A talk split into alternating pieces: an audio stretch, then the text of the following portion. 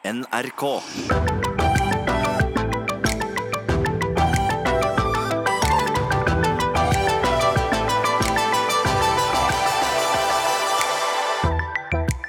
Jeg har aldri blitt invitert til 17. mai-frokost med den store jentegjengen som drikker champagne i bunad og rølper rundt på Karl Johan.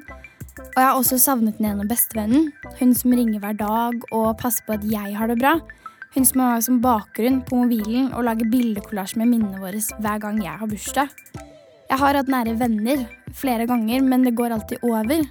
Og jeg blir lei, og kanskje de blir lei av meg òg. Uansett så blir jeg sittende med en følelse av å være alene. Og det verste jeg vet, er å være ensom. Hei, jeg heter Ulrikke Falk. I ti uker skal jeg prøve å finne ut av ting som opptar meg. I dag vennskap.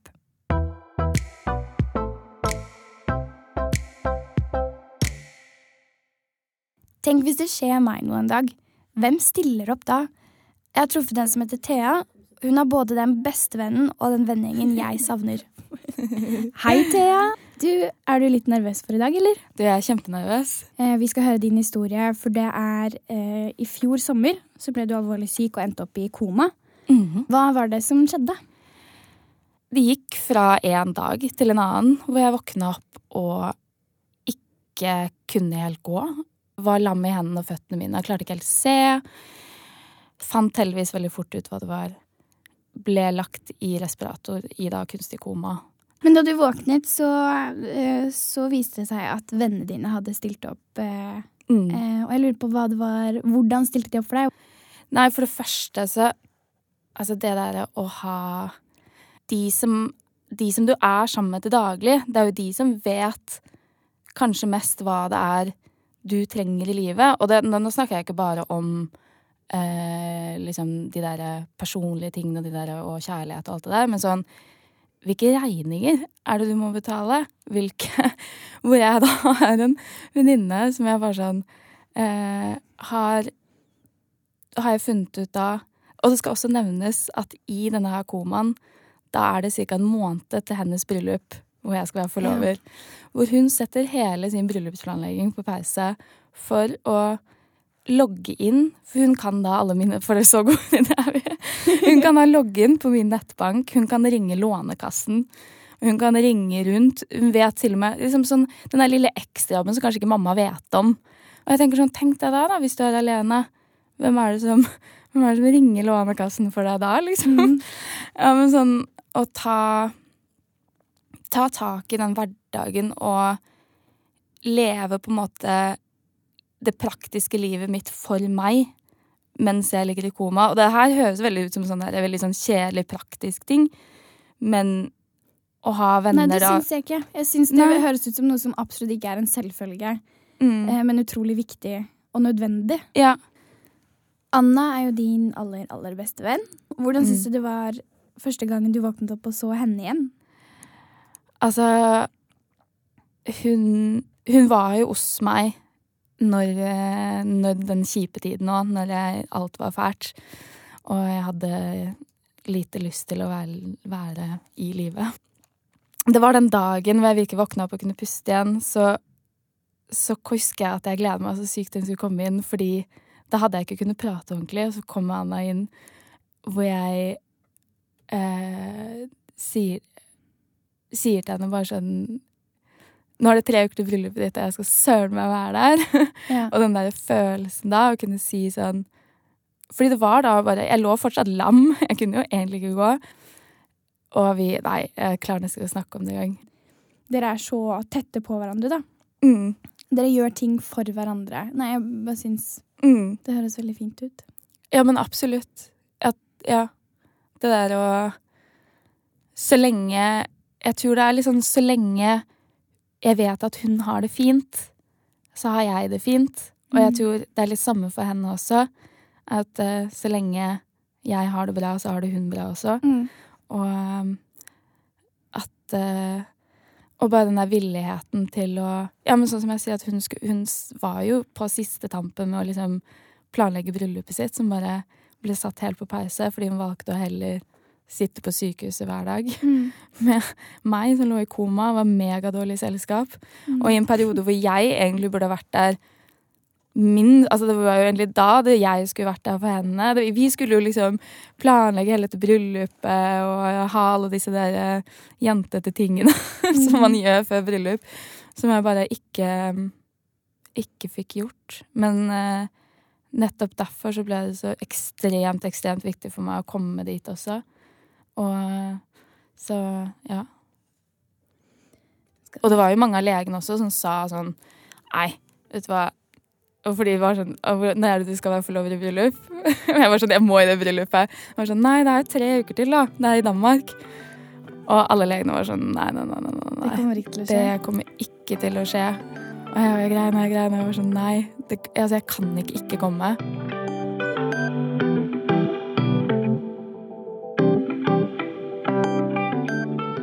Jeg forlover, jeg ville holde tale.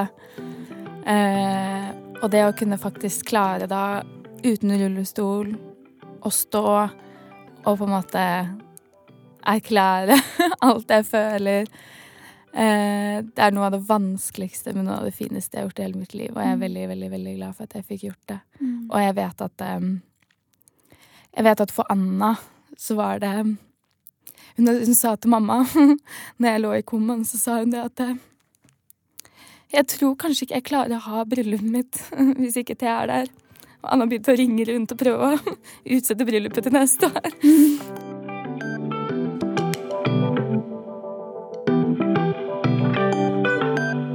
Ok, så hun har den beste bestevennen, men så har hun også den store vennegjengen.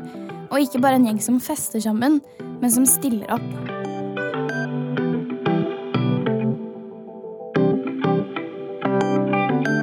Og å gjøre sånne ting til å bare vite at folk har vært der hele, hele tiden. Og få høre sånne ting som at um, eh, sykehuset ble litt irriterte. Og de måtte sette opp gjesteliste fordi det var så slitsomt at det kom så mye folk hele tiden. Det var jo folk innom hele tiden, så til slutt så måtte kjæresten min, eh, mammaen min og bestevennen min sette opp en eh, liste. For hvor, og så sa de sånn, kan du ikke sette opp en liste på sånn fem-seks personer som kan komme? De kan komme så mye de vil, med bare de nærmeste. Og så prøver liksom John, kjæresten min, å si at eh, Men eh, det er ikke sånn vennegjengen vår er. Nei. Det er ikke fire-fem nærme. Det er 20 folk som genuint er de nærmeste, på en måte. Så hvordan skal du sette den grensen? Og det er jo sånn Det er jo et luksusproblem, da, å skulle si sånn Nei, du har for mange gjester. Du har for mye venner. Og eh, da føler jeg meg jo veldig sånn bortskjemt og nesten litt sånn flau av å tenke på det. Mm. At, uh, at man må si stopp på folk. For å vite at det er så mange som uh, Bryr seg og Bryr vil stille opp. Ja, ja, ja. Det du snakker om nå, det er jo noe jeg uh, ikke misunner. Det er noe jeg unner deg, og det er noe jeg er litt sjalu på, for jeg har ikke hatt det, men jeg har alltid hatt veldig lyst til å ha det. Mm. En stor eh, vennegjeng og en eh, venninne som jeg får lover til i, i bryllupet. Nå er jeg 21 år, så det er en stund til ennå. Men eh, på tross av alt dette, føler du deg noen gang Føler du deg noen gang ensom? Ja, det gjør jeg. Det tror jeg alle, det tror jeg alle gjør.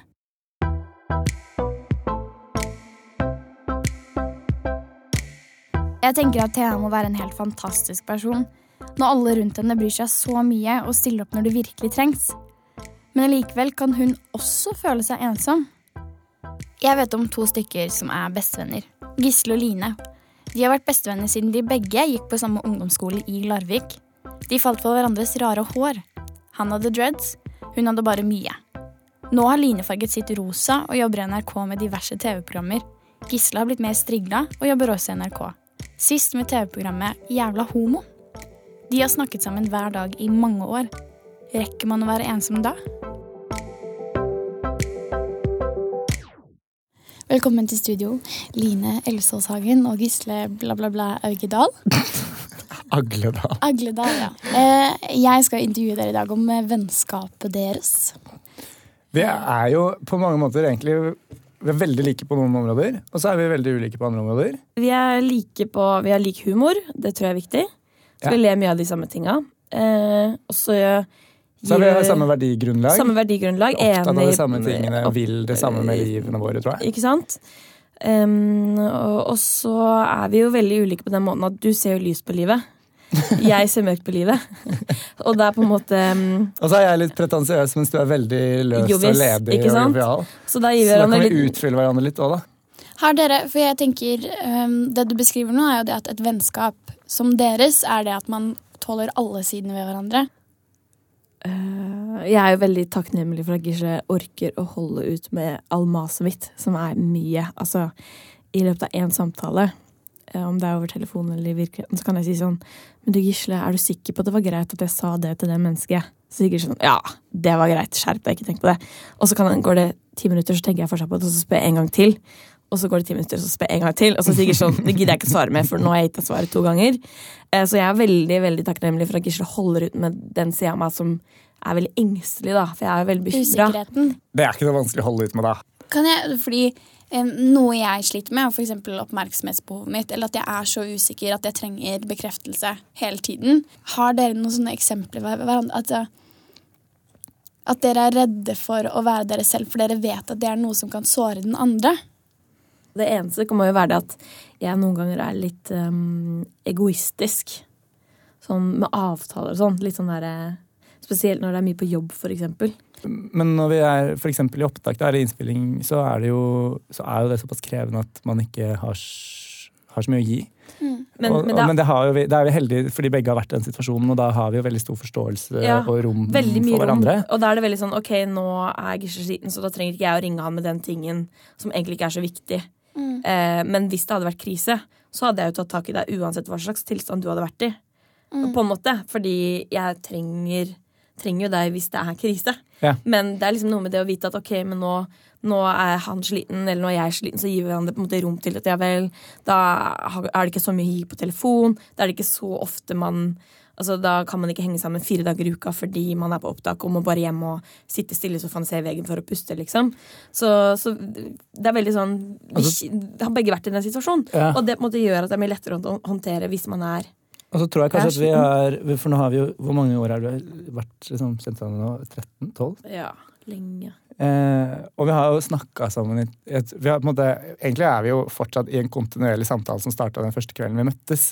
Fordi vi snakker i telefonen flere ganger om dagen. Eh, er så sånn- uviktige ting.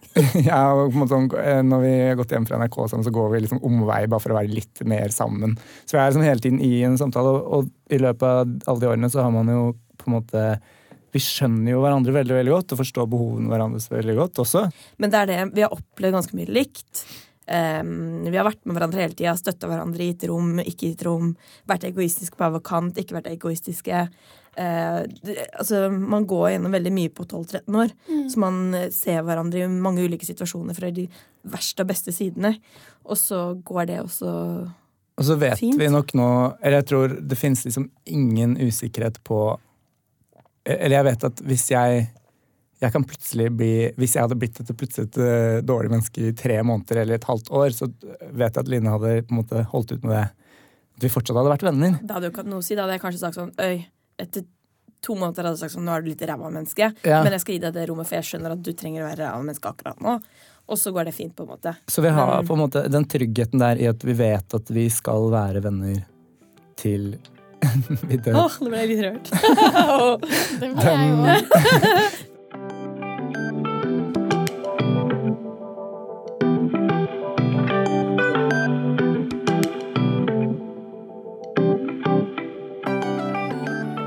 Gisle og Line har kjent hverandre i over tolv år. Gisle er en del av Lines familie, og motsatt. Jeg misunner hvor godt de kjenner hverandre, og hvor åpent og ærlig de snakker. Som om det er de to mot resten av verden. Jeg vet ikke om de hadde overlevd uten hverandre. Jeg traff Anne Greve, som har skrevet doktorgrad om vennskap mellom barn. For å prøve å forstå bedre spurte jeg henne hva vennskap egentlig er. For meg da, så, så må det være noen kriterier til stede. Det ene er at det er gjensidighet i det. At begge vil være venn med den andre. Det er veldig viktig. Eh, Det er en toveisrelasjon. Og det andre er at det er frivillig. Det er to veldig viktige prinsipper. Aristoteles har jo vært opptatt av vennskap, og han opererer med forskjellige former for vennskap. Han opererer med vennskap for eh, gleden eller nyttens skyld. Um, og det er klart at det vennskapet det vil ta slutt når den nytten opphører, eller uh, ja, når nytt, nytteperspektivet forsvinner, så blir, forsvinner jo gjerne vennskapet òg. I min doktorgrad, som jeg disputerte med for over ti år siden, så snakker jeg om vennskap som en slags konstruksjon hvor um, dette med opplevelsen Når man har en opplevelse av et felles vi dette, Nå er det bare vi som gjør noe sammen. Det kan bli en slags byggekloss. Og det at man får gjentagende ganger med at nå er det bare vi som gjør noe, så kan det, være, så kan det føre til at det blir et vennskap etter hvert. Et vennskap, Hvis man tenker på at man skal bevare det over tid, så tror jeg det må pleies litt. Jeg tror det er viktig at man i et vennskap lærer både det å være en venn og det å ha en venn. Eh, og man må være litt tenker jeg, litt raus og kunne gi og ta. Kunne være med på leken eller være med på samtalen eller kunne bidra med noe innimellom. ikke sant? Være med og berike det vi gjør sammen. Um, kunne gi og ta litt. Og det er, um, det er ikke alle som klarer så godt. Jeg tror at de som har for lettest venner, det er de som har den litt som er, kanskje er fordi de er så trygge på seg selv at de kan være litt mer rause og gi og ta. Men det der med at et vennskap må pleies, det tror jeg nok er eh, riktig. At du kan ikke bare forvente å få, få, få hele tiden, men du må også bidra. Men jeg tror det er viktig med den gjensidigheten. Jeg tror Det er et veldig viktig nøkkelord inn inn i hva som er et godt vennskap. Fordi begge to må ønske det like mye.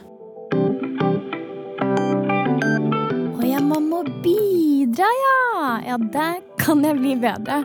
Jeg forventer ofte å få mer enn jeg er villig til å gi. Og kanskje jeg ikke er en så god venn egentlig. Kanskje jeg fortjener å være ensom. Men, men jeg har lyst på mange venner. Hvorfor er det sånn? Det, med, det, jeg er litt redd for, er at vennskap rett og slett kan bli et, et press og et symbol på å være vellykket i samfunnet vårt. Eh, jeg tror vi er utsatt for så mange forskjellige press. Kanskje særlig ungdom, som er i en fase hvor man nettopp skal begynne å finne mer ut av hvem man er, og, og hva man har lyst til å bli, alle disse tingene, så er det veldig mye innbiller jeg meg, da, som ikke er ung selv lenger, men at det er et stort press. Og hvis vennskap, som jo jeg opplever er en gave, også blir det presset, at man skal være venn med de riktige personene, at man skal, eh, ikke sant, man skal kunne ha så og så mange venner og sole seg litt i det, så er jeg redd for at vi gjør den der flotte vennskapet som jo jeg mener er en veldig fin ting, at vi gjør det om til å bli et press og et stress istedenfor. Ja, det presset kjenner jeg på. Det er kanskje derfor jeg er så opptatt av å bli invitert til 17. mai-frokost. Men behov for en bestevenn, det handler vel om noe annet. Ja, jeg er skeptisk til det å bruke begrepet bestevenn, for da er vi veldig nær ved hvem er det som definerer det. Da er det noen som er bestevenn, og så er det noen som ikke er fullt så bestevenn, og så begynner man å rangere. Eh, for det første så er det jo ingen utenfor som kan lage den rangeringen. Og jeg tenker at jeg synes det, vi, kommer, vi, arbeider oss inn i et litt sånn farlig spor hvis vi også skal begynne å rangere vennene våre. Som at noen er bestevenn, og noen er, ikke, noen er nest bestevenn og sånne ting. Så tenker jeg at Um, men det jeg tror er fordi at hver vennskapsrelasjon er unik. Hver vennskapsrelasjon er forskjellig. Tenk på, Hvis du er så heldig å ha noen venner, tenk på at det er forskjellig jeg har ikke sånn kjempemange venner, men jeg, jeg, har noen som jeg er veldig glad i å gjøre noe med. Og så er det noen andre som jeg, som jeg overhodet ikke altså, som jeg må gjøre noe helt annet med. ikke sant? Da, da, men det er helt umulig for meg å arrangere hvilken av de vennskapene som er best eller nest best eller dårligst. Sånn jeg, jeg, er redd for den der rangeringstankegangen. Men så er det klart at noen Så kan man jo legge i det der bestevenn det at vi er innmari gode venner. Det er vel det at det blir best som er liksom at da er det noe, noe, annet som ikke er best. Men at vi er veldig veldig gode venner, og at vi vet at vi har hverandre. Det er jo fantastisk når du Vi kan være borte fra hverandre i ukevis, og så kan vi bare starte på med en gang der vi, der vi var da vi skiltes. Det er jo sånne som Fordi vi kjenner hverandre godt. Men det tar ofte litt tid. altså Det vokser frem litt over tid. Og kanskje begynner man, eh, begynner man litt i det små. Eh, og, ikke være så opptatt av om det blir noe vennskap eller beste vennskap, eller noen ting, men vi gjør noe som vi syns er hyggelig sammen. Det å ha en venn istedenfor at det blir en gave, så blir det et press, og det blir et slags kriterium for å være lykkelig. Og så er det slik at det er ikke alle som har venner. Og det, det er ganske ille, syns jeg, hvis vi får et samfunn hvor det å ha en venn blir så viktig kriterium for å være vellykket og lykket, at man, og lykkelig at man For de av oss som ikke har venner, eh, blir på en måte et mislykket liv. Det er ganske, det ganske sterkt, egentlig.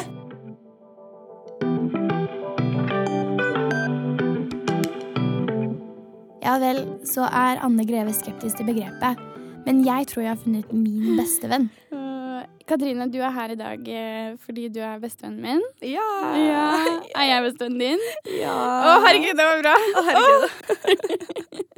For, for jeg, mine vennskap har veldig ofte Jeg vet ikke om jeg har sagt det eller nevnt det for deg, men jeg har vært veldig redd for å være med noen lenge. Mm. Det har jeg vært kjemperedd for, fordi jeg er så mye opp og ned i følelseslivet. Jeg tror du nevnte eh, en dag vi hadde hengt eh, veldig mye en uke, så var det sånn Å, det er skikkelig rart at jeg fortsatt vil på en måte henge med deg Ja. så masse at jeg ikke er lei av deg, på en måte. Vi Jo, men det var ikke Ja, at du ikke var lei av meg, tenkte Ja. du? Ja.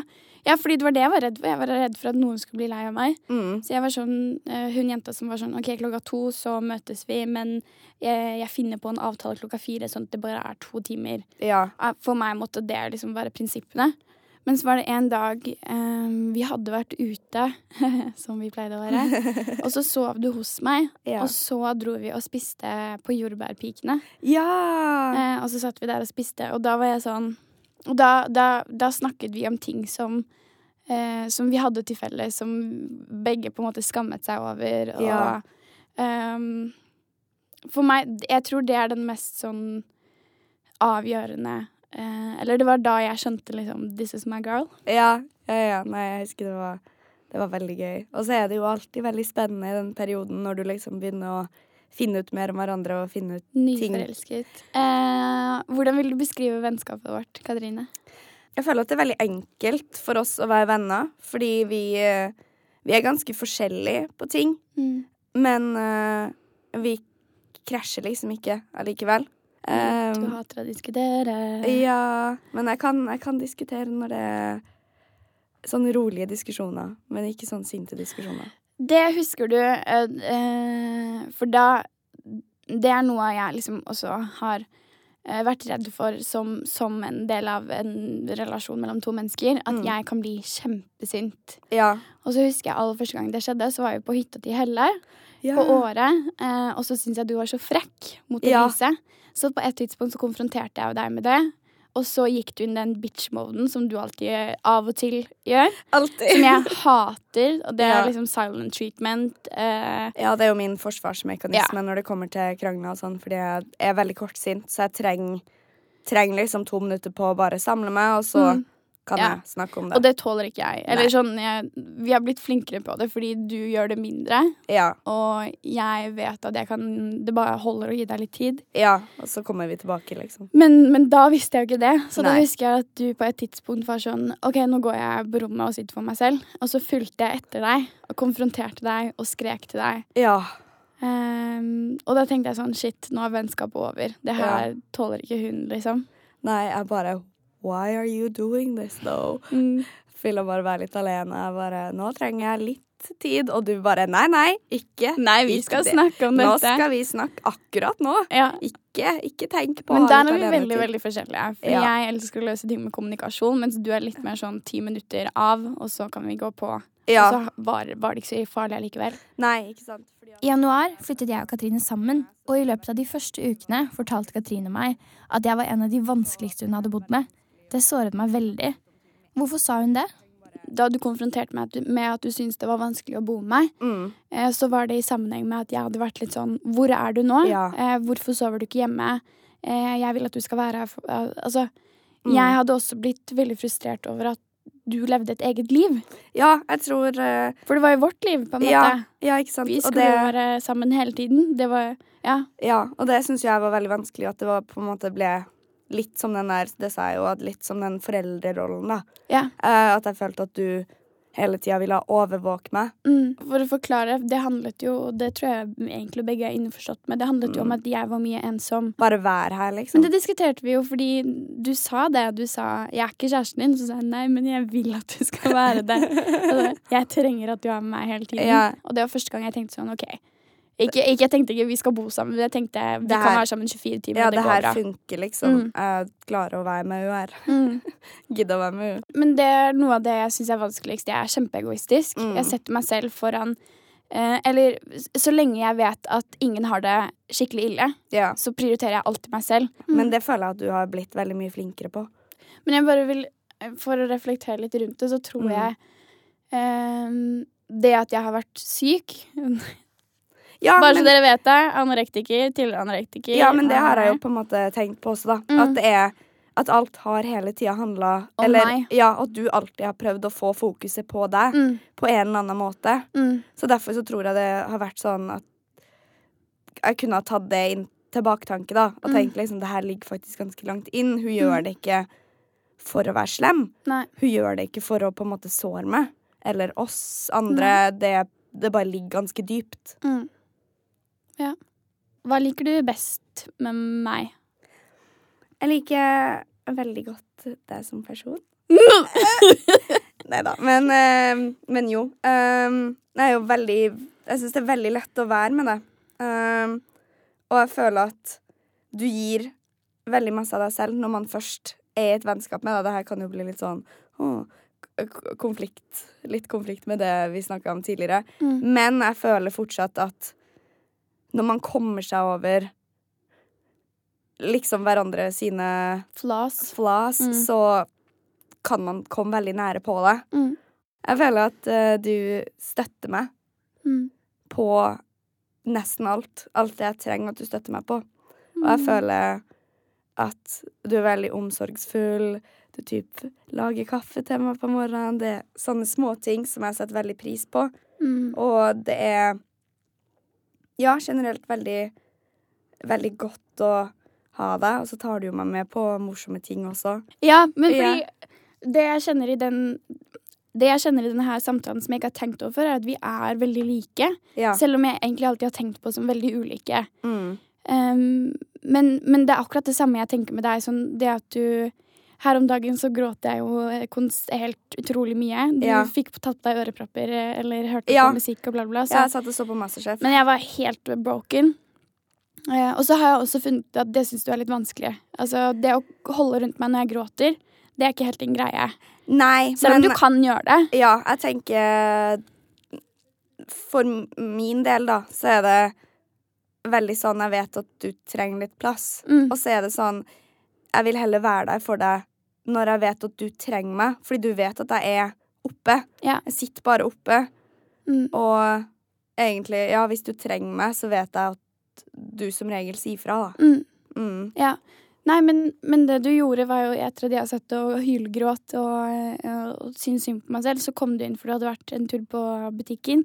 Så kom du inn med en plate melkesjokolade. og da satt jeg i telefonen med pappa og fikk trøst, og så var jeg Ja. sånn, ble jeg enda mer rørt. For jeg bare Ja. herregud, det er noen som bryr seg om meg. Men uh, konklusjon, jeg har en bestevenn Ja. med stor B. Med stor B.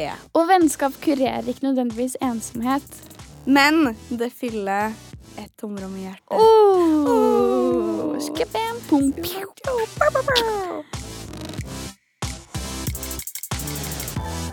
Så jeg har en bestevenn.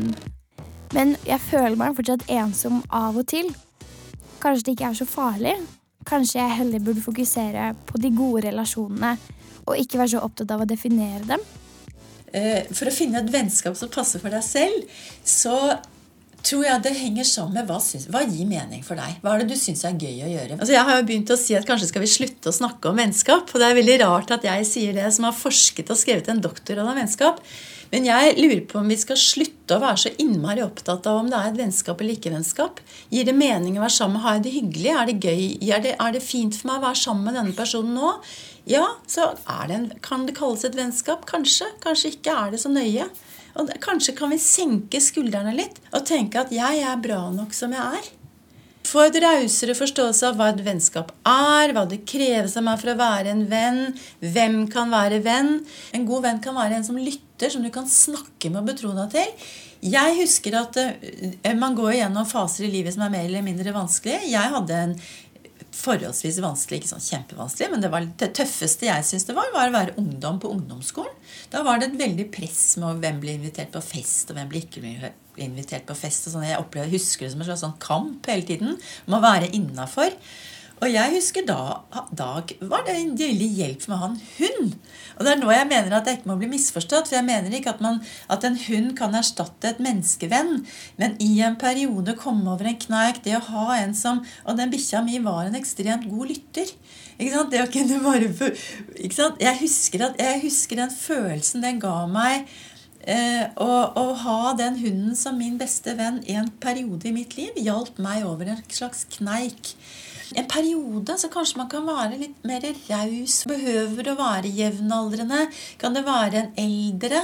Eh, kan det være en bestefar eller en du, en du har fått kontakt med på et eldrehjem? Jeg ser jo at det er eh, der er det i hvert fall relasjoner som kan bli ganske sterke. Og kan Ja, hvorfor kan ikke det også kalles vennskap?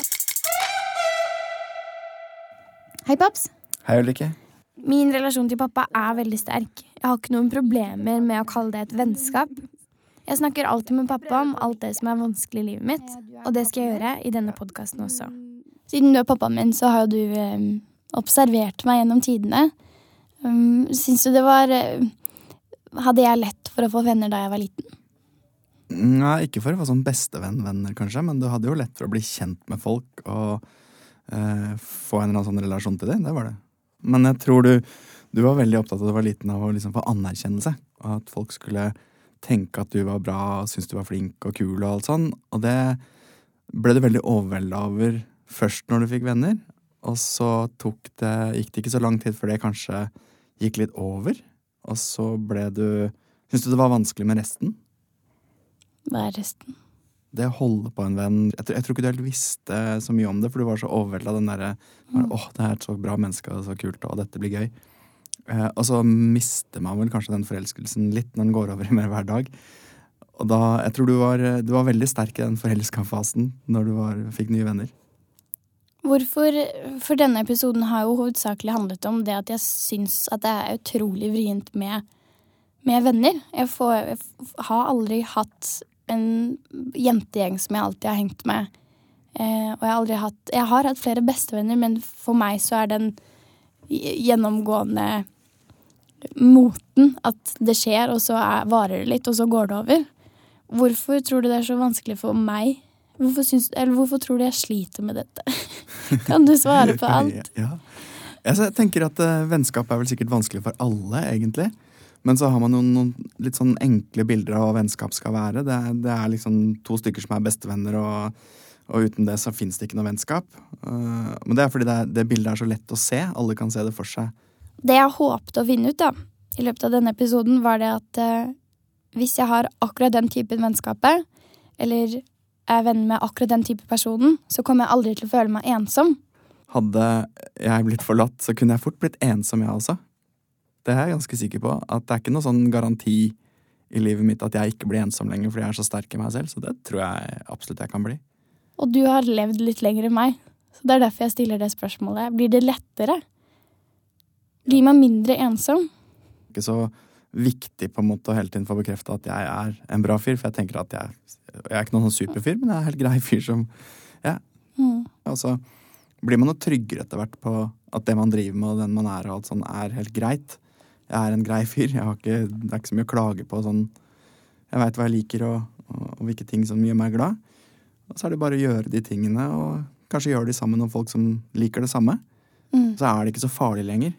Det eh, søkende aspektet ved å ønske seg venner, nemlig det å få bekreftelse eller lete etter om noen liker deg tilbake som du liker, det forsvinner litt fordi du har en mer ro og trygghet i deg selv. Ja, jeg tror du har rett i det. Mm. Men er alle handlingene våre i livet en handling som gjør at vi prøver å unngå å være ensom? Er alle valgene våre valg vi tar for å slippe å være ensom? Jeg tenker du er litt inne på noe. så jeg ikke bli altfor sånn, eh, sånn forskeraktig her. Men jeg, jeg ville tro at vi mennesker er jo laga for å formere oss og få barn og lage familier og føre slekta videre. Mm. Og det ligger kanskje litt sånn grunnleggende i oss at vi skal oppsøke andre og ha folk rundt oss. Uten det så fungerer den reproduksjonen ganske dårlig, for vi klarer det ikke aleine.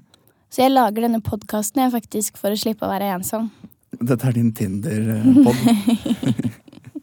Ja. Nei, fordi det jeg, jeg tenker jeg, jeg er enig i deg, at vi kan si det på det biologiske nivået. Men på grunnleggende personlig nivå så tenker jeg at hvis mennesker ikke vil være med meg, så handler det om at jeg ikke er bra nok. Ja, det, det skjønner jeg. Og på det personlige planet så er jo sånt vondt og vanskelig. Men kanskje, kanskje det er sånn at etter hvert som man har levd en stund, da Nå begynner du å bli har vært voksen noen år og blir jo bare mer og mer voksen. Og så treffer du flere og flere mennesker, og så opplever du oftere og oftere at det er hyggelige folk du møter, og når du møter igjen, så er det hyggelig, og kanskje ikke er det Kanskje du ikke føler deg så veldig ensom med tiden, fordi du lærer deg selv at yes, jeg har jo ganske mange fine folk rundt meg, at du blir tryggere på det. Uh, og så gjør det at selv om du føler deg ensom en dag, så kan du likevel tenke at wow, jeg har jo masse folk jeg liker, og som liker meg, og jeg bør ikke være noen spesiell annet enn akkurat den jeg er, for at de skal like meg. Oi, jeg er jo kanskje ikke så ensom bare i kveld. Det jeg har kommet frem til, og det jeg ser etter denne episoden, er jo at ensomhet egentlig ikke kan kureres av ytre faktorer, men at alt handler om at du sitter igjen alene en dag og du har kanskje ingen å ringe til, eller alle er opptatt, og du har fortsatt en følelse av at du er i godt selskap, for du har deg selv. Mm. At du er din egen beste venn. Det er jo helt riktig.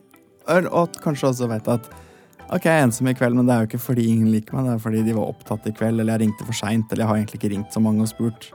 Oi, derfor er jeg ensom i kveld. Det er ikke ensom i morgen, jeg bare lager en avtale med noen i morgen, så blir det hyggelig. Trygghet innenfra kan kurere ensomhet utenfra.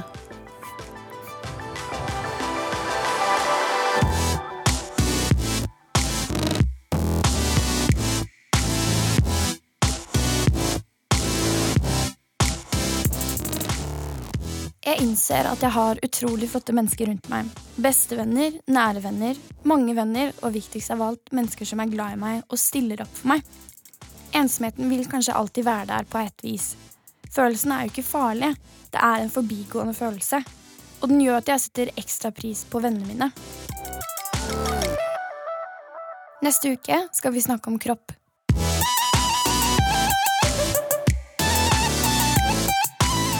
Produsert av Rubicon for NRK. Du finner flere podkaster på p3.no podkast.